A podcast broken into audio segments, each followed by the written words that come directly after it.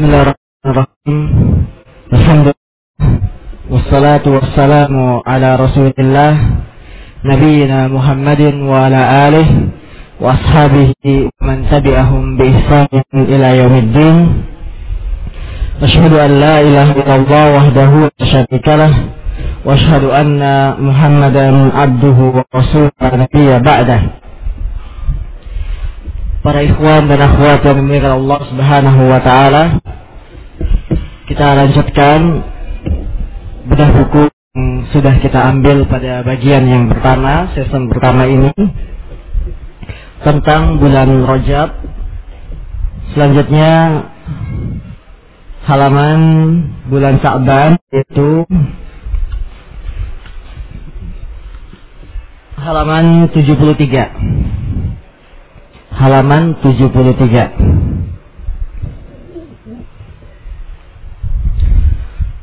Bulan Sa'ban adalah bulan yang mulia.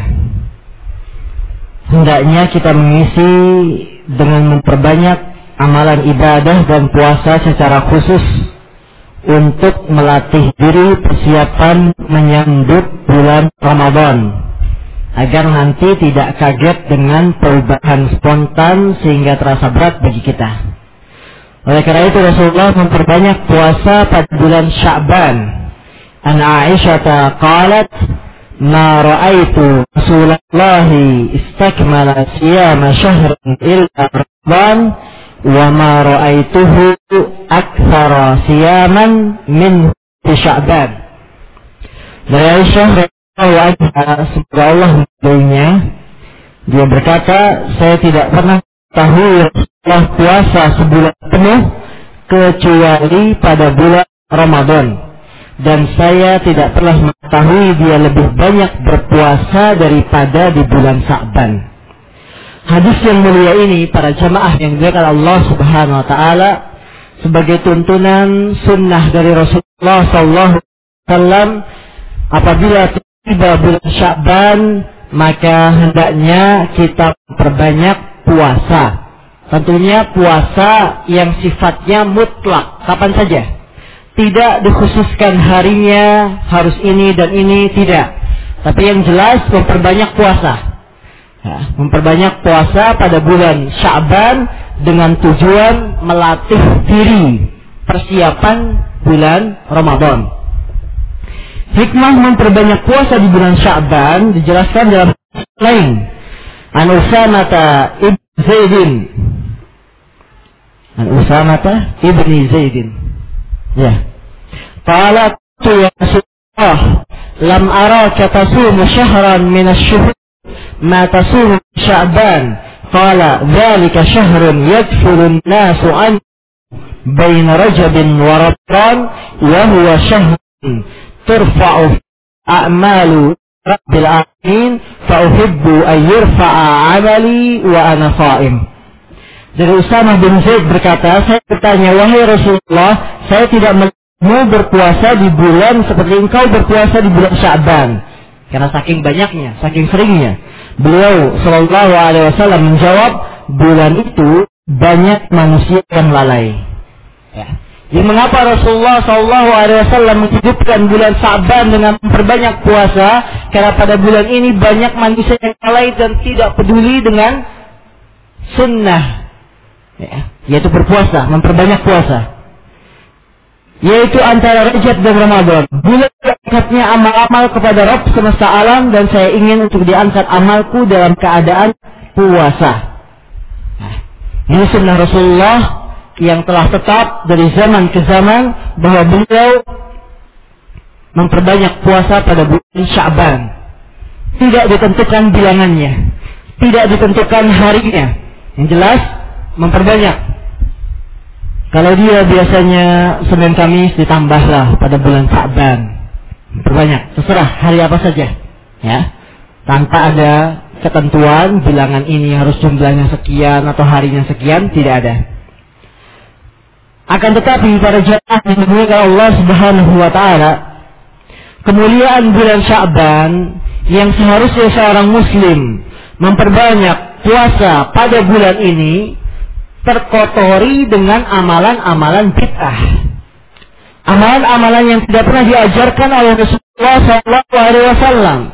Sehingga seolah-olah bid'ah ini yang lebih laris dan lebih dikenal oleh masyarakat daripada sunnahnya Rasul. Rasul memperbanyak puasa bulan Sa'ban, tapi masyarakat lebih banyak mengenal nisfu Sa'ban. Puasa pada nisfu Sa'ban. Inilah para jemaah rahimani wa rahimakumullah termasuk bahayanya bid'ah. Apa? Mematikan sunnah sunnah yang didasarkan hadis yang sahih dari Rasulullah malah hilang. Tidak diketahui. Manusia merasa aneh kalau melihat orang banyak puasa pada bulan Sa'ban. Karena yang dikenal oleh masyarakat kalau bulan Sa'ban identik dengan nisfu Sa'ban. Puasa tengah-tengah bulan Sa'ban. Ya. Di syariat sunnah Rasulullah yang tetap hilang, jadilah bid'ah yang muncul. Nisfu Sya'ban yang lebih dikenal oleh mayoritas manusia. Sunnah Rasulullah memperbanyak puasa hilang. Banyak manusia tidak mengetahuinya. Nah ini di antara beberapa dampak negatif orang-orang yang gemar melakukan bid'ah. Sehingga bid'ahnya lebih dikenal daripada sunnahnya. Nah, karena itu para ulama mengatakan bahwa bid'ah itu tidak lain kecuali akan mematikan sunnah Rasulullah sallallahu alaihi wasallam. Halaman 75. Malam nisfu Sa'ban. Sesungguhnya Allah adalah pencipta waktu dan tempat. Dia melebihkan bulan Ramadan dari bulan-bulan lainnya. Hari Jumat dari hari-hari lainnya. Demikian juga dia melebihkan Makkah, Madinah, dan Baitul Maqdis dari tempat-tempat lainnya. Namun sebagian orang merasa kurang puas dengan keutamaan yang diberikan oleh Allah. Sehingga mereka membuat musim-musim dalam rangka beribadah kepada Allah hanya berdasarkan hadis-hadis lemah dan palsu.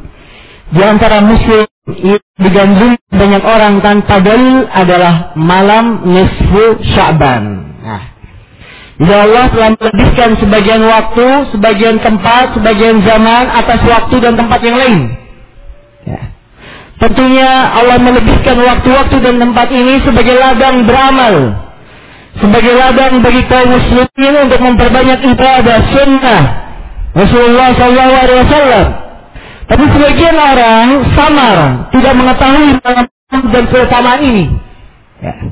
Merasa kurang puas, sehingga seolah-olah waktu yang telah diberikan keutamaan oleh Allah terasa kurang, perlu ditambah. Jadilah malam nisfu Sa'ban tambahan-tambahan dalam agama. Padahal tidak ada ketetapan satu hadis pun yang bisa dijadikan pijakan untuk menetapkan keutamaan bulan Sa'ban. Ya. Sehingga kita puasa di dalam atau banyak sholat di dalamnya tidak ada. Ya. Sini sebagian orang ya, yang merasa kurang puas dengan ketetapan Allah padahal agama sudah sempurna agama Allah telah disempurnakan.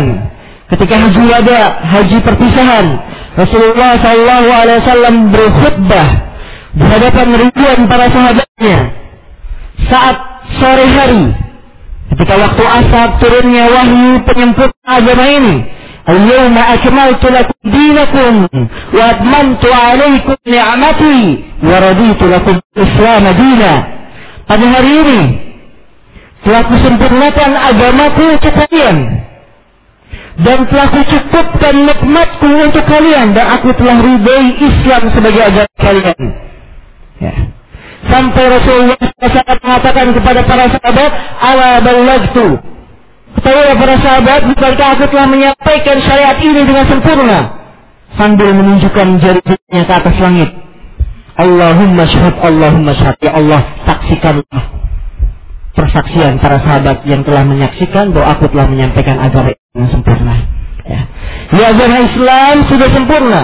Tidak ada satu ajaran pun kalau memang itu bisa mendekatkan diri kepada Allah kecuali diajarkan dan ditetapkan dalam Al-Quran dalam Sunnah Rasulullah SAW. Abu Hurairah Al-Ghifari sampai mengatakan wa ma ta'irun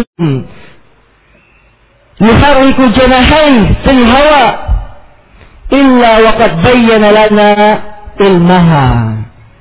Tidak ada seekor pun yang mengepakkan kedua sayapnya di udara kecuali Rasulullah menyebutkan ilmunya tentang itu. Ya. Nah kalau dalam masalah duniawi Rasulullah telah menjelaskan dalam perkara-perkara ibadat tentu lebih utama lagi dijelaskan Rasulullah. Ya. Ketika orang-orang Yahudi datang menemui sahabat yang mulia Salman Al-Farisi. Kemudian orang Yahudi ini mengatakan, wahai Salman, benarkah Nabi kalian itu mengajarkan tata cara berhajat? Kata Salman Al-Farisi, ajal, betul. Allamana Rasulullah SAW hatta al-khita'ah. Rasulullah SAW mengajari kami sampai perkara buang hajat diajari. Nahana an nastaqbil al-qiblah. Rasulullah melarang kami untuk menghadap kiblat ketika berhajat. Kemudian tidak boleh menggunakan tangan kanan. Kalau istinja dengan batu harus lebih dari tiga, ya kan? Perkara-perkara kecil yang dianggap sepele sebagai buang hajat diajarkan dalam Islam. Maka perkara ini menunjukkan, hadis ini menunjukkan bahwa Islam itu sudah sempurna yang besar tauhid yang kecil diajarkan oleh Rasulullah SAW tidak ada lupa sedikit pun. Barang siapa yang menganggap baik suatu amalan, menganggap baik malam ini lebih baik dari itu, padahal tidak ada keterangannya, sungguh dia telah menuduh agama Islam ini masih kurang. Eh? Maka itu Imam Malik Mengatakan manibtada fil Islam barang siapa yang mengadakan perkara-perkara bid'ah dalam agama Islam faqad za'ama anna Rasulullah sallallahu alaihi wasallam khana risalah. Barang siapa yang menganggap atau melakukan perkara bid'ah dalam agama Islam, sungguh dia telah menuduh Nabi Muhammad mengkhianati, menyembunyikan risalah. Mengapa demikian? Karena Rasulullah telah menyampaikan semuanya. Kemudian kok masih ada yang menambah-nambah malam nisfu Sa'ban itu ada keutamaannya, ada amalannya. Padahal Rasulullah tidak pernah menjelaskan. Ini sama saja tuduhan. Tuduhan kepada Rasulullah bahwa Rasulullah tidak menyampaikan semua agama. Nah ini. Ya. Ini perlu kita pahami bahwa mengatakan malam ini mulia, malam ini malam yang berkah, amalan sunnah, tidak boleh kita katakan demikian kalau tidak ada dalilnya. Karena agama Islam sudah sudah sempurna. Manistah sana fakat syarak. Barang siapa yang menganggap suatu amalan itu baik, sungguh dia telah membuat syariat yang baru. Ya, membuat tandingan dalam agama Islam. Masalahnya, halaman 75. Benarkah malam nisfu Sa'ban tidak memiliki suatu keutamaan? Kalaulah memang memiliki keutamaan, apakah hal itu berarti kita mengkhususkan untuknya amalan-amalan tertentu? Inilah yang akan menjadi topik bahasa kita kali ini. Ya. Jika memang malam nisfu Saban itu ada keutamaan, bolehkah kita mengerjakan amalan-amalan sunnah yang kita anggap pada malam ini? Yang ini yang akan kita bahas pada kesempatan season yang kedua ini insya Allah Taala sampai selesai. Ketahuilah ya saudaraku tercinta, semoga Allah hatimu banyak sekali riwayat yang beredar di tengah masyarakat seputar nisfu Sa'ban. Nisfu secara bahasa itu setengah. Sya'ban, Sya'ban, bulan Sya'ban. Maksudnya kalau sudah tanggal 14 malam 15 itu kan berarti nisfu Sa'ban ya, pada pertengahan bulan. Nah manusia pada nisfu sa'ban ini banyak melakukan amalan-amalan yang tidak ada contohnya sama sekali. Mereka memperbanyak sholat, memperbanyak puasa, dan yang lainnya. Dasar mereka ada riwayat-riwayat yang tidak ada keterangan dan kejelasannya. Imam Al-Qurtubi mengatakan dalam tafsirnya tentang malam Sa'ban tidak ada satu hadis pun yang dapat dijadikan sandaran baik mengenai keutamaannya atau tentang pembatalan ajal seseorang, maka janganlah kalian mengacuhkannya. Ya. Jadi tidak ada satu hadis pun yang bisa dijadikan sandaran dalam menentukan nisfu Sa'ban. Ada satu riwayat, benar, ada satu riwayat tentang keutamaan nisfu Sa'ban yang disahihkan oleh sebagian ahli yaitu riwayatnya dengan konteks yanzilullahu tabaraka ta'ala lailatan nisfi min fayakfir jami'i kih illa li musyrikin aw musyahidin Allah tabaraka ta'ala turun kepada makhluknya. Kalau dikatakan Allah itu turun maka harus kita tetapkan turun ya. Tidak boleh di terjemahkan misalkan yang turun rahmatnya tidak boleh. Harus ditetapkan bahwa turun Allah turun kepada makhluknya pada malam ke Syaban. Lalu dia mengampuni seluruh makhluknya kecuali orang musyrik dan orang yang bermusuhan. Hadis ini sahih. Disahihkan oleh sebagian ahli ilmu. Ya. saya dilihat dari silsilah hadis as-sahihah. Kesimpulannya, hadis ini dengan terkumpulnya jalan riwayat yang banyak bisa terangkat kepada derajat sahih tanpa ada dengan tanpa ragu lagi. Karena kesahihan bisa dengan kecil bilang dari jauh jalur ini selama tiga terlalu parah lemahnya. Akan tetapi perlu diingat bersama bahwa hadis ini hanya menunjukkan keutamaan malam nisfu Sa'ban saja. Bukan ditunjukkan ada amalan-amalan khusus. Nah ini yang salah Sebagian masyarakat ketika mendengar hadis ini bahwa Allah turun pada malam nisfu Sa'ban mengampuni seluruh manusia kecuali orang yang berbuat syirik dan yang bermusuhan dipahami kalau malam ini punya keutamaan maka harus dihidupkan diperbanyak sholatnya. Kemudian diperbanyak puasanya. Nah ini tidak ada. Ya keterangan menambah sholat pada malam nisfu Sa'ban memperbanyak puasa pada esok harinya tidak ada ketetapan dalilnya dari Al-Quran maupun Sunnah Sallallahu Alaihi Wasallam. Ya. Yang hanya menunjukkan keutamaan malam saja. Malam Jumat, ya, hari Jumat itu keutamanya banyak. Tapi bersamaan dengan itu tidak boleh bagi seorang pun untuk mengkhususkan malam Jumat dengan sholat atau puasa pada hari Kamisnya atau besoknya. Tidak boleh. Ini termasuk larangan. Kalaulah malam nisfu Sa'ban itu boleh kita rayakan, malam Jumat seharusnya kita rayakan.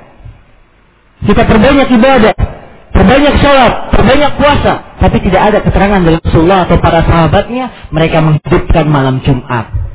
Ya. Apalagi Sa'ban yang hanya keterangannya Allah turun mengampuni seluruh makhluk kecuali orang yang musyrik dan orang yang bermusuhan. Maka dengan keutamaan yang semacam ini bukan berarti melegalkan kita mengamalkan sholat, puasa, atau acara-acara kumpul di masjid, ya kan, dibacakan e, doa-doa, riwayat dan sebagainya, karena ini semuanya adalah bentuk ibadah kepada Allah. Dan ibadah itu harus didasari dengan dalil landasan yang sahih. Tidak boleh sekedar yang lemah atau dari pikiran kita belaka. Halaman selanjutnya halaman 78. Syekh Al-Alaq Aziz bin Bas rahimahullah, beliau adalah seorang ulama yang masyhur terkenal dan sudah wafat rahimahullah, mufti Saudi Arabia dahulu. Seandainya mengkhususkan ibadah pada malam tersebut disyariatkan, yaitu malam Saban, tentunya malam Jumat lebih utama daripada selainnya. Sebab hari Jumat adalah hari yang paling utama berdasarkan dalil-dalil yang sahih. Nah, tatkala Nabi SAW memperingatkan kepada umatnya dari mengkhususkannya dengan sholat malam, maka hal itu menunjukkan bahwa malam selain lebih utama untuk tidak boleh kecuali kalau ada dalil yang mengkhususkannya. Ya. Jadi kalau ada keutamaan pada satu hari, kemudian tidak ada keterangan harus sholat, harus puasa, maka kita cukupkan, kita katakan malam nisfu Sa'ban ada keutamaannya. Apa itu? Allah akan turun ke dunia, kemudian mengampuni seluruh makhluknya kecuali orang yang musyrik atau orang yang bermusuhan. Sudah cukup sampai situ. Tidak boleh kita tambah-tambahi dengan amalan sholat, amalan puasa, dan zikir, doa atau sebagainya. Kita cukupkan dengan riwayat yang sahih karena keterangan harus sholat, harus puasa, harus ini dan harus itu tidak ada ketetapan dari Rasulullah Shallallahu Alaihi Wasallam.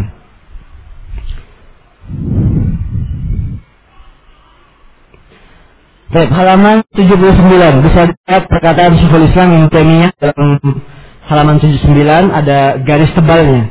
Seandainya malam-malam yang punya keutamaan disyariatkan untuk dikhususkan dengan melakukan sholat, tentunya amalan sholat tersebut disarankan pula untuk dilakukan pada malam Idul Fitri, Idul atau hari Arafah. Nah, dari sini para jemaah yang Allah Subhanahu wa taala menunjukkan kepada kita bahwa amalan sunnah itu berdasarkan dalil. Kita sudah ulang-ulang sekali lagi bahwa amalan sunnah dilandaskan dengan dalil, bukan dengan riwayat yang palsu, lemah atau sekedar dari istihad pendapat kita pribadi. Tidak. Ya, karena kita beribadah itu menginginkan pahala dari Allah. Kita menginginkan ibadah kita diterima Allah Subhanahu wa taala Ya, barang siapa yang beribadah tidak ada tuntunannya dari Rasulullah, maka ibadah itu tertolak. Dan sebuah hadis riwayat Muslim dan lain-lain dari hadis Aisyah, "Man 'amila 'amalan laisa 'alaihi amruna fahuwa rad." Barang siapa yang beramal dengan sebuah amalan yang tidak ada perkaranya dari kami, amruna di sini jamak ya, mufradnya dari umur, ya, bukan dari awamir. Ya. Perkara-perkara dari kami. Apabila dia mengamalkan sebuah amalan yang tidak ada urusannya dari kami, maka amalan itu akan tertolak. Ya. Tentunya seorang muslim tidak ingin capek, lelah, melakukan ibadah tapi tidak bernilai di sisi Allah Subhanahu wa taala. Ini kerugian bagi para ahli bid'ah. Orang-orang yang melakukan bid'ah. Mereka capek, mereka lelah melakukan ibadah. Mereka mengharapkan dapat pahala di sisi Allah, tapi sayang amalan yang mereka kerjakan menyelisih sunnah Rasul sehingga ibadah yang mereka kerjakan tidak ada nilainya sedikit pun hanya mendapat lelah dan capek saja. Nah, kita yang telah mengetahui sunnah Rasul harus hati-hati menimbang apakah amalan yang saya kerjakan ini betul sesuai sunnah Rasul ataukah tidak. Kalau tidak, maka harus lapang dada kita tinggalkan. Kita tegaskan bahwa keutamaan itu tidak ada pada amalan bid'ah. Jadi keutamaan dan pahala tidak mungkin ada pada sesuatu yang bid'ah. Sesuatu yang sunnah itulah yang mendapat pahala, itulah yang mendapat ganjaran di sisi Allah Subhanahu wa taala. Hadis-hadis palsu tentang alam di dalam Ismu bisa dilihat halaman 80. Riwayat tentang nisfu Sa'ban sangat banyak. Sini kami sebutkan sebagiannya. Di antaranya pertama An Ali bin Abi Thalib radhiyallahu anhu. Dari Ali bin Abi Thalib Allah ridhonya qala qala Rasulullah sallallahu alaihi wasallam Rasulullah sallam bersabda idza kanat lailatun nisfi min sya'ban faqumu lailaha wa sumu naharaha fa inna Allah ta'ala yanzil fiha ghurubi syamsi ila sama'id dunya. Apabila tiba malam Sya'ban Salatlah pada malam harinya dan puasa siang harinya karena Allah turun ke langit bumi di saat tenggelam matahari. Lalu Allah berfirman, saya kul, ala min mustakfir li fa'akfiralah, ala mustarzikum fa'arzuqah, ala mubtala fa'u'afihi, ala kaza, ala kaza, hatta yatlu al-fajr. Lalu Allah firman, adakah yang minta ampun kepadaku, aku akan mengampuninya. Adakah yang meminta rizki kepadaku, aku akan memberinya rizki. Adakah yang sakit, aku akan menyembuhkannya. Adakah yang demikian, adakah yang demikian, sampai terbit fajar. Hadis ini palsu hukumnya. Ya, namanya hadis palsu, tidak boleh diamalkan. Hadis yang tidak ada asal usulnya, palsu, hanya dibuat-buat.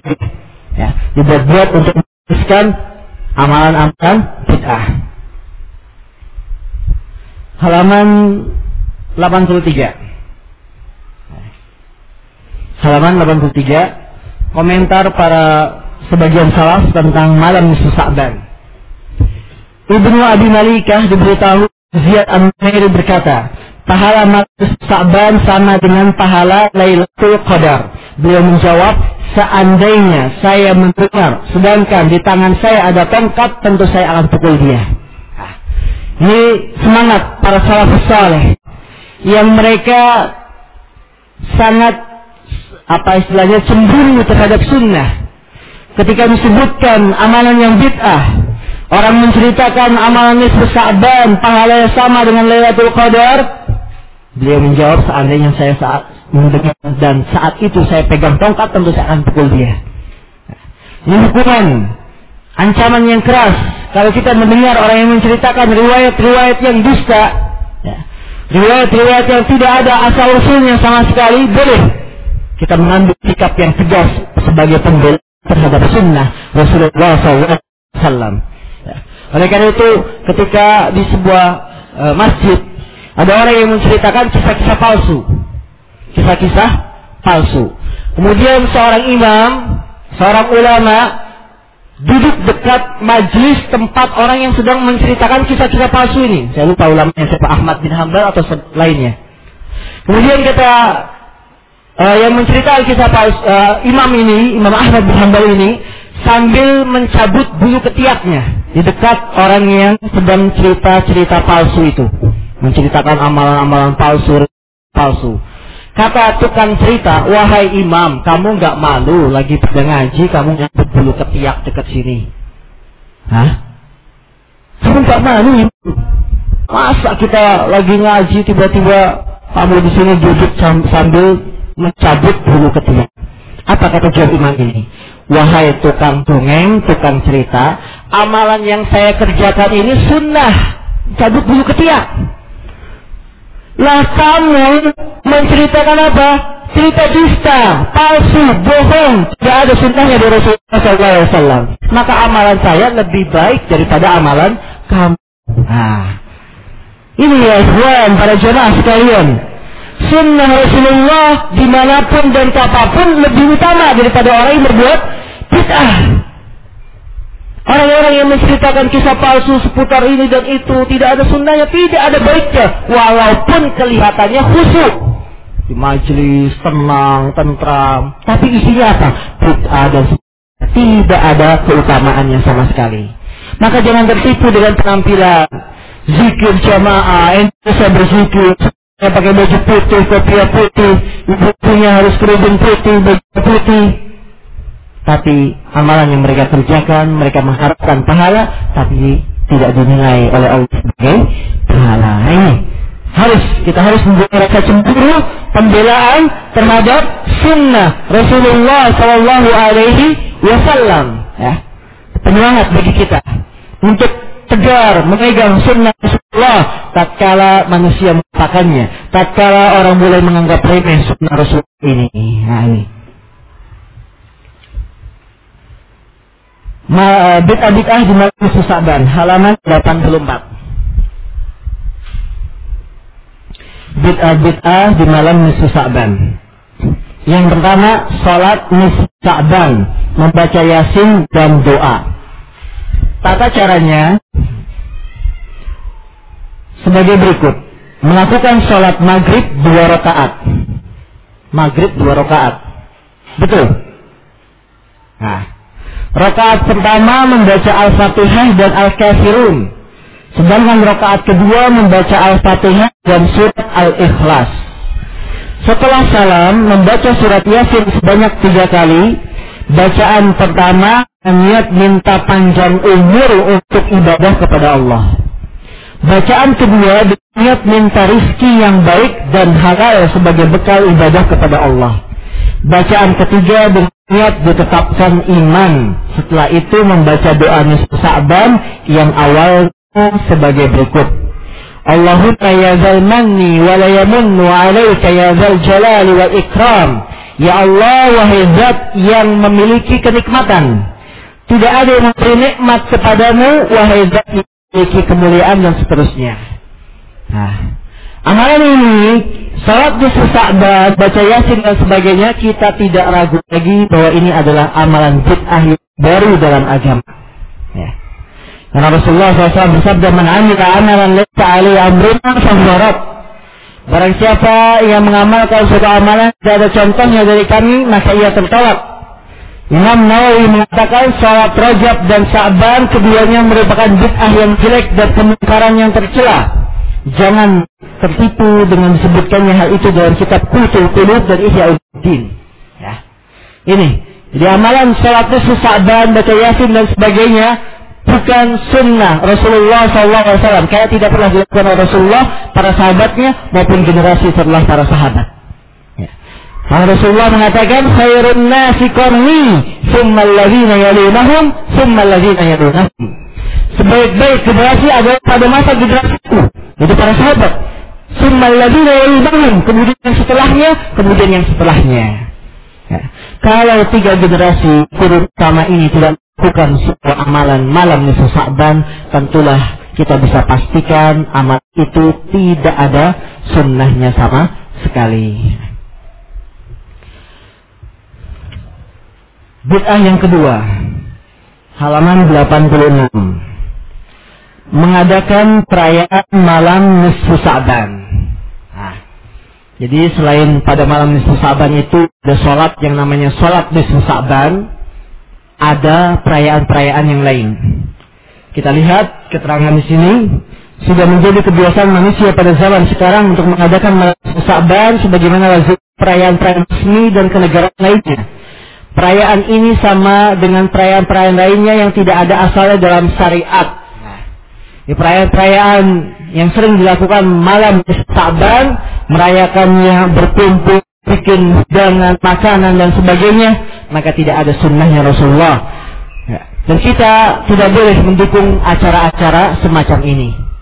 Tidak boleh hadir, ikut datang ke sana tidak boleh. Kecuali tujuannya untuk mengingkari, ngasih ceramah, menasehati bid'ahnya malam nisfu Sa'ban, silakan. Tapi kalau untuk ikut datang, diam, duduk, makan tanpa ada pengingkaran, bahkan setuju tidak bisa mengubah kemungkaran ini tidak boleh kita datang dalam acara-acara yang sifatnya tidak ada sunnah dari Rasulullah. Karena kalau kita datang, saya lihat dari kemungkaran dari berapa segi bagi orang yang datang ke dalam perayaan bid'ah dengan tujuan dakwah. Ya. Ya sekarang ini banyak orang yang menggampang-gampangkan, memudah-mudah. Kalau tujuannya kita dakwah, eh datang tahlilan, kalau tujuannya dakwah boleh datang ke maulid Nabi, Isra Mi'raj. Nah, mereka lupa atau pura-pura lupa bahwa menghadiri satu acara yang di sana mungkar tidak ada sunnahnya dari Rasulullah terdapat berbagai macam kerusakan. Yang pertama, dia diam dari kemungkaran. Ya.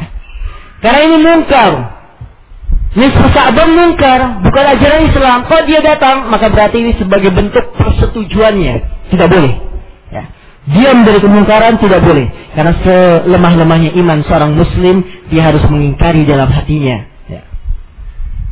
Yang kedua, akan menguatkan kebatilan dan memperbanyak jumlah ahli kebatilan.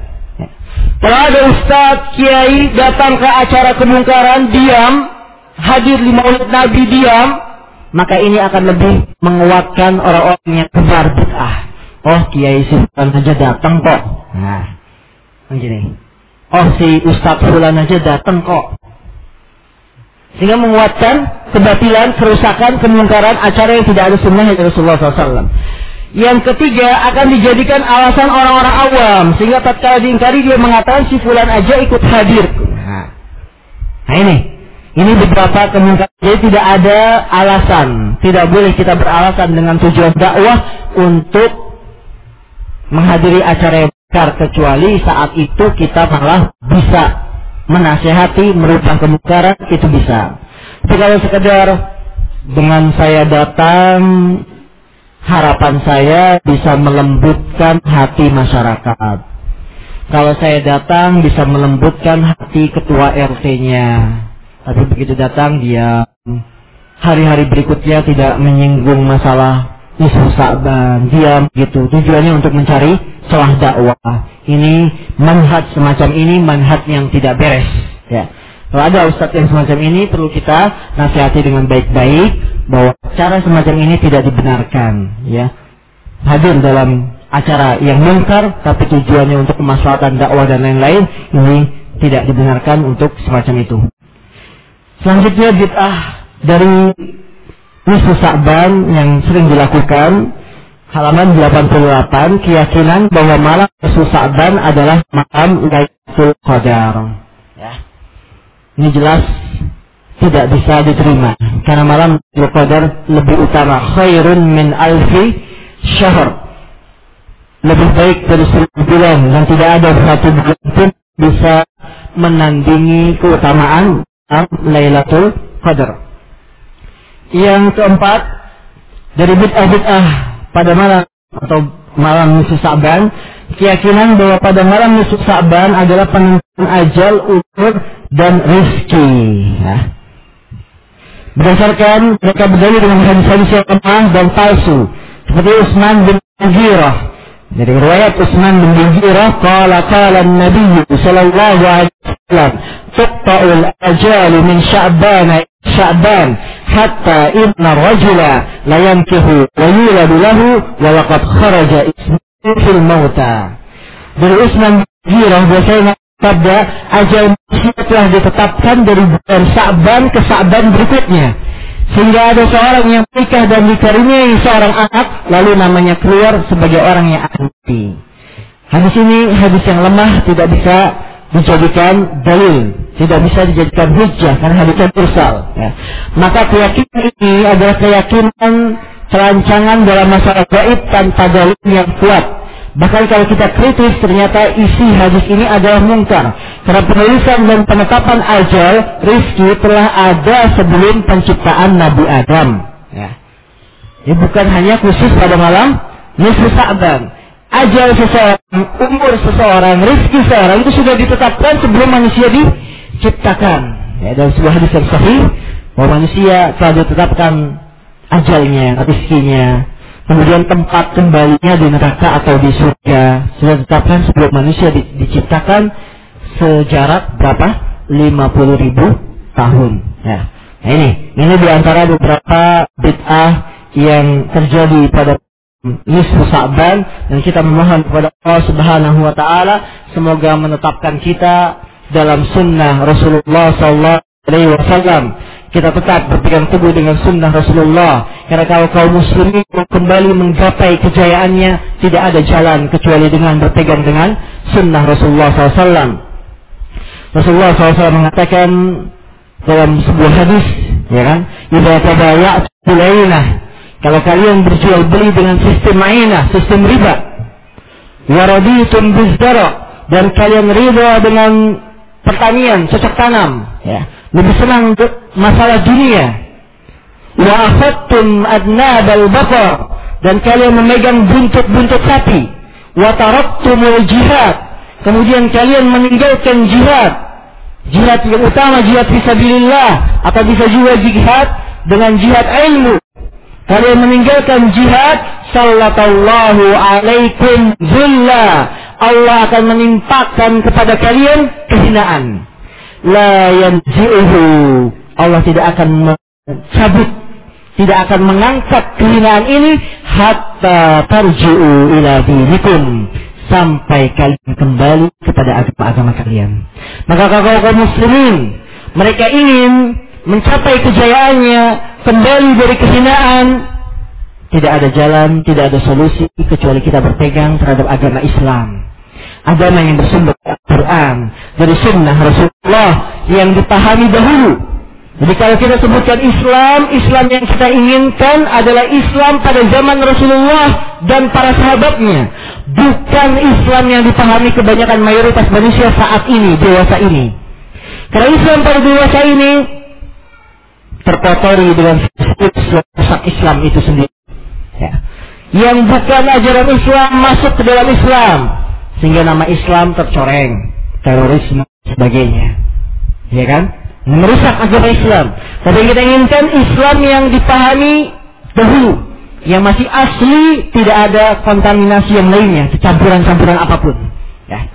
Maka kaum muslimin yang dimuliakan Allah Subhanahu wa taala, semoga dengan kajian kita pada hari ini menggugah semangat kita untuk lebih semangat berpegang teguh dengan sunnah Rasulullah SAW dan kita tinggalkan bid'ah sejauh-jauh karena tidaklah bid'ah itu kecuali akan mematikan sunnah Rasulullah SAW. Akhirnya kami mohon maaf kalau yang ini ada kesalahan dan kekurangan dan bila ada pertanyaan kami persilahkan.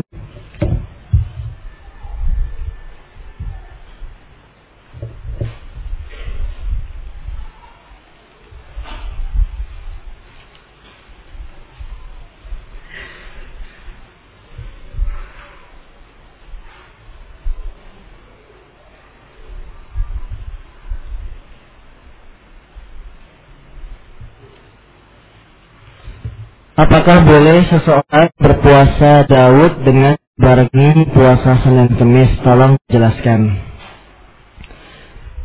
Seseorang hendaknya beramal dengan amalan yang dia sanggupi. Rasulullah SAW mengatakan, ya ma tutikun. Beramalah kalian sesuai dengan kesanggupan kalian. Ya. Artinya amalan yang sedikit walaupun sedikit tapi continue terus menerus itu lebih disukai di sisi Allah Subhanahu wa taala. Ahabbul a'mali indallah jawamuha. Wa in qalla. Amal yang paling dicintai oleh Allah Subhanahu wa taala adalah yang terus menerus, yang continue sekalipun sedikit. Ketika salah seorang sahabat Amr bin Yasir. Ya, Amr bin Yasir. Dia bertanya kepada Rasulullah malam sunnah puasa yang bisa saya kerjakan. Kemudian diberi petunjuk oleh Rasulullah SAW setiap bulan tiga hari. Kemudian sahabat ini malah menjawab, ya Rasulullah saya itu mampu lebih dari itu. Saya mampu untuk berpuasa lebih tiga hari tiap bulan mampu. Oh ya udah kalau begitu puasalah tiap minggu dua kali Senin Kemis. Ngotot.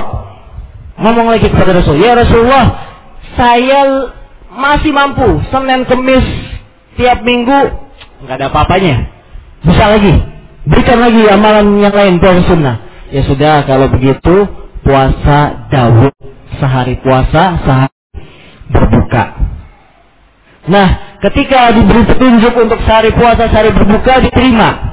Selanjutnya ketika usianya sudah tua, badannya lemah, sudah tidak mampu lagi puasa Daud, dia menyesal. Kenapa dulu saya tidak menerima keringanan Rasulullah SAW, malah ngotot untuk menerima puasa Daud.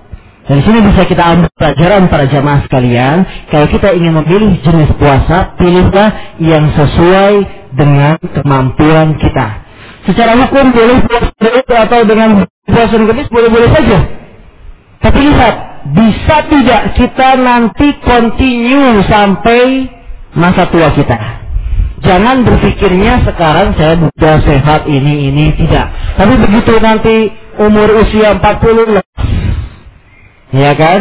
Yang tadinya ini tidak bisa. Karena amalan yang sedikit, tapi terus menerus ini lebih dicintai di surga daripada banyak, tapi tiba-tiba drastis turun menurun tidak mengerjakan sama sekali. Nah, ini. Cara hukum boleh-boleh saja, cuma dilihat kemampuannya. Gimana caranya kita uh, rutinitas kita tiap ibadah kepada Allah?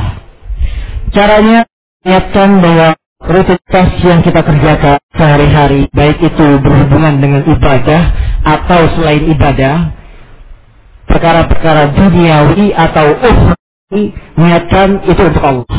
Ya. Allah bin Mas'ud pernah mengatakan, saya menjadikan tidur saya, ya, saya niatkan ibadah sebagai saya niatkan salat saya sebagai ibadah. Jadi amalan yang biasa-biasa, ada kebiasaan bisa bernilai ibadah kalau kita niatkan itu untuk ibadah. Ya. Mandi misalkan. Kalau tujuannya hanya sekedar bersih-bersih, tidak ada niat untuk agar nanti sholatnya wangi, ya kan, tidak mengganggu saudaranya yang duduk di soft sebelah kita, tidak ada niat biar ini mengamalkan perintah Allah ambillah pakaian-pakaianmu yang terbagus ketika pergi ke masjid. Tidak ada niat. Pokoknya mandi sekedar untuk membersihkan badan untuk badannya segar. Maka ini nilainya tidak nilai ibadah kebiasaan saja tapi kalau kita niatkan dengan mandi kita agar kita nanti menghadap Allah dengan badan yang bersih tidak mengganggu saudara kita yang berada berdiri di samping saf kita tidak menimbulkan bau yang mengganggu ini bernilai ibadah makan, ya, makan yang sehari-hari sehari tiga kali. Kalau diniatkan hanya rutinitas biasa, tidak bernilai ibadah. Tapi kalau niatnya makan ini untuk menunjang ibadah, sholatnya semangat, ngajinya semangat, belajarnya semangat, bisa bernilai ibadah. Maka yang membedakan adalah niat. Ya. Karena niat itu ada tiga manfaat. Yang pertama, tamyizul ibadah ba'duha an ba'din. Niat itu manfaatnya yang pertama membedakan satu ibadah dengan ibadah yang lain. Kita sholat zuhur, niatnya sholat zuhur. Sholat asar, sholat asar niatnya. Ketika kita ingin menjamak, mengumpulkan antara zuhur dan asar, kita jamak, misalkan pergi jauh, kita boleh mengumpulkan dua sholat dan satu waktu. Apa yang membedakan ini sholat zuhur, ini sholat asar? Tidak ada yang membedakan kecuali niat. Ini fungsi niat. Tamizul ibadah ba'duha an ba'd membedakan ibadah dari yang satu jenis ibadah terhadap jenis yang lain. Ya. Yang kedua, niat tamyizul ibadah anil adah membedakan amalan ibadah dari adat kebiasaan. Nah, ini. Jadi fungsi niat membedakan ini ibadah, ini kebiasaan, ini kebiasaan, ini ibadah. Mana? Niat yang membedakan. Yang ketiga, membedakan bahwa ibadah ini untuk Allah atau untuk selain Allah. Bedanya apa? Niatnya. Kalau niatnya sholat untuk dilihat, dikatakan Pak Haji, dikatakan Pak Alim, Pak Suci, nah itu nanti ria.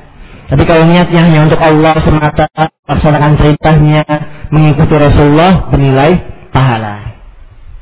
Yang penting kita sering-seringlah untuk memperbaharui niat kita bernilai ibadah sisi Allah.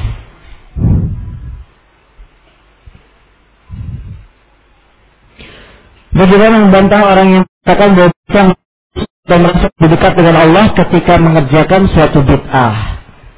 Bagaimana membantahnya? Membantahnya kita katakan kehusuan atau kedekatan kamu kepada Allah adalah dari setan. Karena setan itu senang yang namanya bid'ah.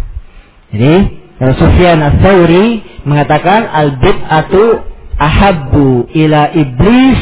Ya, bid'ah itu lebih dicintai oleh iblis, oleh setan. Ya. Mengapa? Karena orang yang melakukan bid'ah dia seolah-olah berada dalam satu amalan ibadah yang agung. Jadi kata Sufyan Sauri bahwa bid'ah itu lebih dicintai oleh iblis daripada maksiat. Karena orang yang melakukan bid'ah dia merasa dirinya sedang melaksanakan ibadah yang agung, dapat pahala dan sebagainya. Sementara orang yang maksiat dia merasa bersalah dalam hatinya itu ada rasa bersalah. Orang bid'ah itu tidak ada rasa bersalah dalam dirinya sehingga terlihat khusyuk, senang, dekat. Nah, ini lebih dicintai oleh setan. Jadi kalau kita melihat orang khusyuk ketika mengerjakan bid'ah, ketahuilah kehusuan itu dari setan. Karena setan itu kerjaannya ingin menarik teman, mengajak teman yang bisa diajak ke ke neraka. Dan setiap bid'ah itu tempatnya di mana? Di neraka. Kalau orang senang melakukan bid'ah, setan pun banyak temannya. Nah ini. Jadi kita bisa katakan bahwa kedekatan itu datangnya dari setan untuk mengelabui, menipu manusia. Tolong jelaskan pandangan Islam terhadap filsafat. Filsafat sama ilmu kalam sama atau tidak? Hah? Filsafat sama ilmu kalam. Sama ya?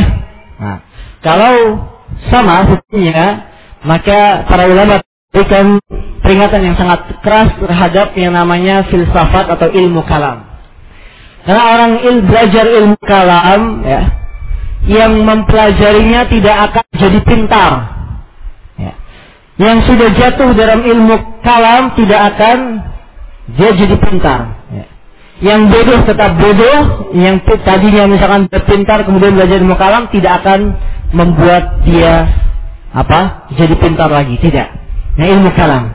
Bahkan Imam Syafi'i mengatakan bahwa orang Kata Imam Syafi'i, hukumanku terhadap orang yang belajar ilmu filsafat, ilmu kalam adalah ditelanjangi, kemudian diarak keliling kampung sambil dipukul-pukul badannya, dikatakan inilah hukuman orang yang mempelajari ilmu filsafat, ilmu kalam. Nah ini, jadi hukuman bagi orang yang belajar ilmu kalam, diarak keliling kampung, dipukul badannya, kemudian dikasih pemberitahuan kepada masyarakat, ini orang belajar ilmu kalam. Nah ini. Jadi tidak boleh kita mempelajari ilmu kalam yang hanya yang hanya sekedar mengandalkan rasio, ya, rasio otak dan sebagainya, padahal otak kita otak yang cekak. Nah, ini. Apakah demokrasi masuk dalam kategori bid'ah? Ya, bid'ah. Tidak ada asalnya Islam. Bisa dibaca dalam buku Ustadz Yusuf ada tentang demonstrasi ya kan demonstrasi so, solusi atau polusi di sana dijelaskan masalah demokrasi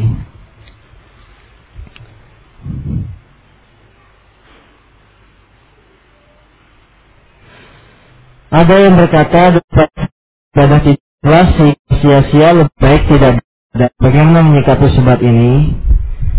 Daripada saya beribadah tidak ikhlas sehingga sia-sia, lebih baik tidak beribadah. Ya salah.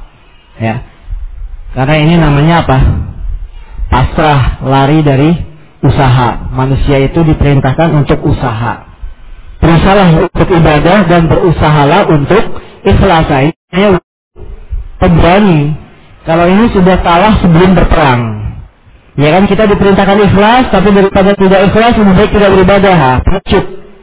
Nah, ini, seorang muslim pemberani. Dia diperintah ikhlas, maju ikhlas, beribadah ikhlas. Adapun bisikan-bisikan rela subah dilawan. Ini namanya berani. Kalau begini tidak daripada sia-sia lebih baik beribadah pengecut ini. Dan ini berarti tidak menjalankan perintah Allah. Pada seorang muslim yang telah beriman harus mengamalkan tuntutan imannya Ya, iman, penetapan dalam hati, pengucapan dalam lisan, diwujudkan dalam perwujudan anggota badan mengamalkan amalan ibadah. Kalau dia tidak beribadah, maka dia tidak menyempurnakan keimanannya dan Apakah orang sakit secara rombongan termasuk ria? Tidak termasuk ria. Ya.